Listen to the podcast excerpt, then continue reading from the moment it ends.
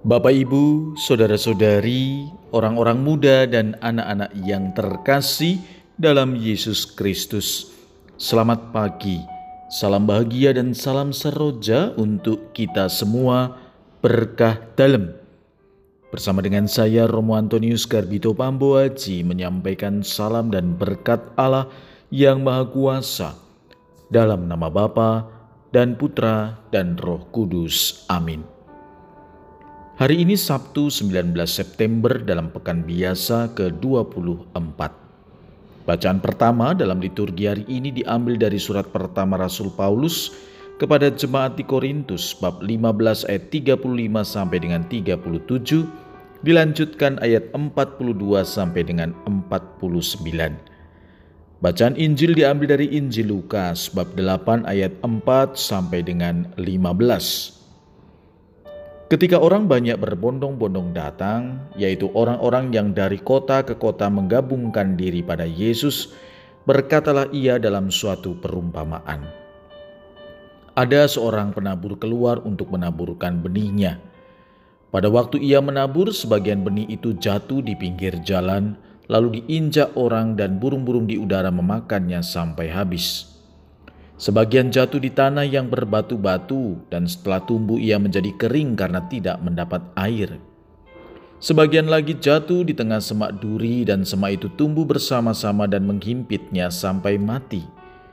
Dan sebagian jatuh di tanah yang baik, dan setelah tumbuh berbuah seratus kali lipat. Setelah berkata demikian, Yesus berseru, "Siapa mempunyai telinga untuk mendengar, hendaklah ia mendengar." Murid-muridnya bertanya kepadanya apa maksud perumpamaan itu.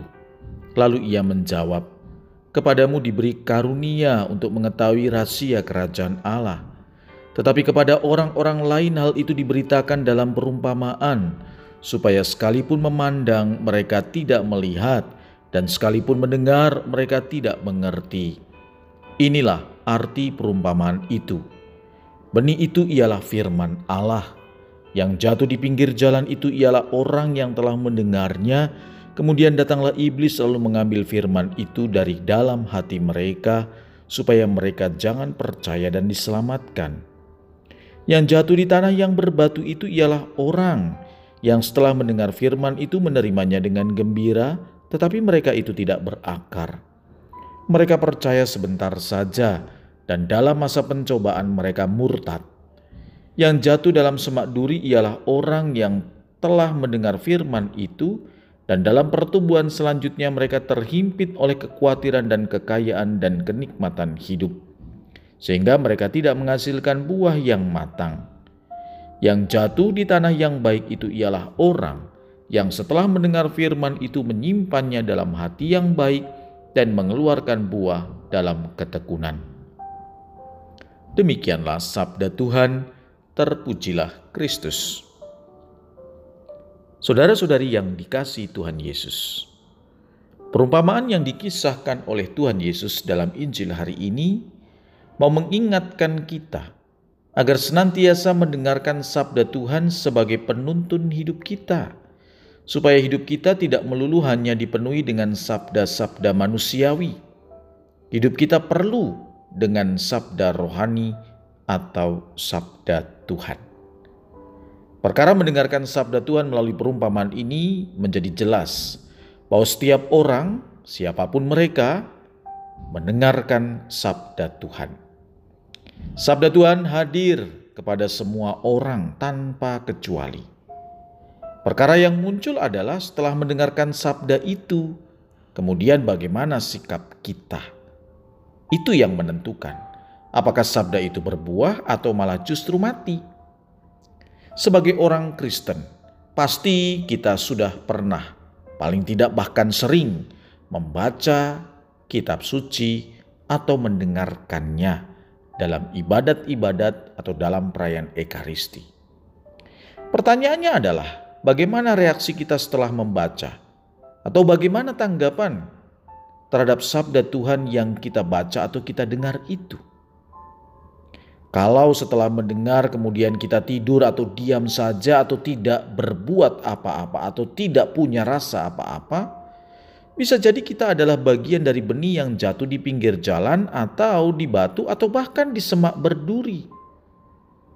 Apa yang ditanam dalam diri kita menjadi sia-sia, tidak tumbuh, apalagi berkembang dan berbuah. Yang menentukan tanah baik atau tidak adalah berkaitan dengan langkah berikutnya setelah mendengarkan sabda Tuhan. Benih dan pupuknya mempunyai jaminan kualitas yang tidak terbantahkan namun, jika hanya didiamkan saja, tidak pernah dirawat, semuanya akan menjadi sia-sia. Tumbuh hanya sebagian, sangat kecil, tidak tumbuh sempurna atau berbuah lebat. Tumbuh baik dan menghasilkan buah adalah panggilan setiap pribadi kita.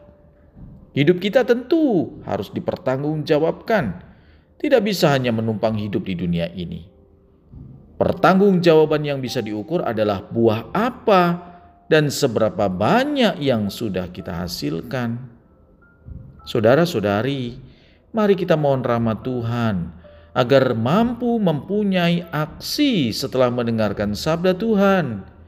Mari kita berpartisipasi dalam karya ilahi dengan saling berbagi nilai-nilai kebaikan manusiawi kepada sesama. Semoga hidup kita semakin menjadi pujian bagi yang ilahi. Marilah berdoa. Ya Tuhan, bantulah kami untuk menghidupi sabdamu agar bertumbuh, berkembang, dan berbuah. Berkat Allah yang Maha Kuasa, dalam nama Bapa dan Putra dan Roh Kudus. Amin.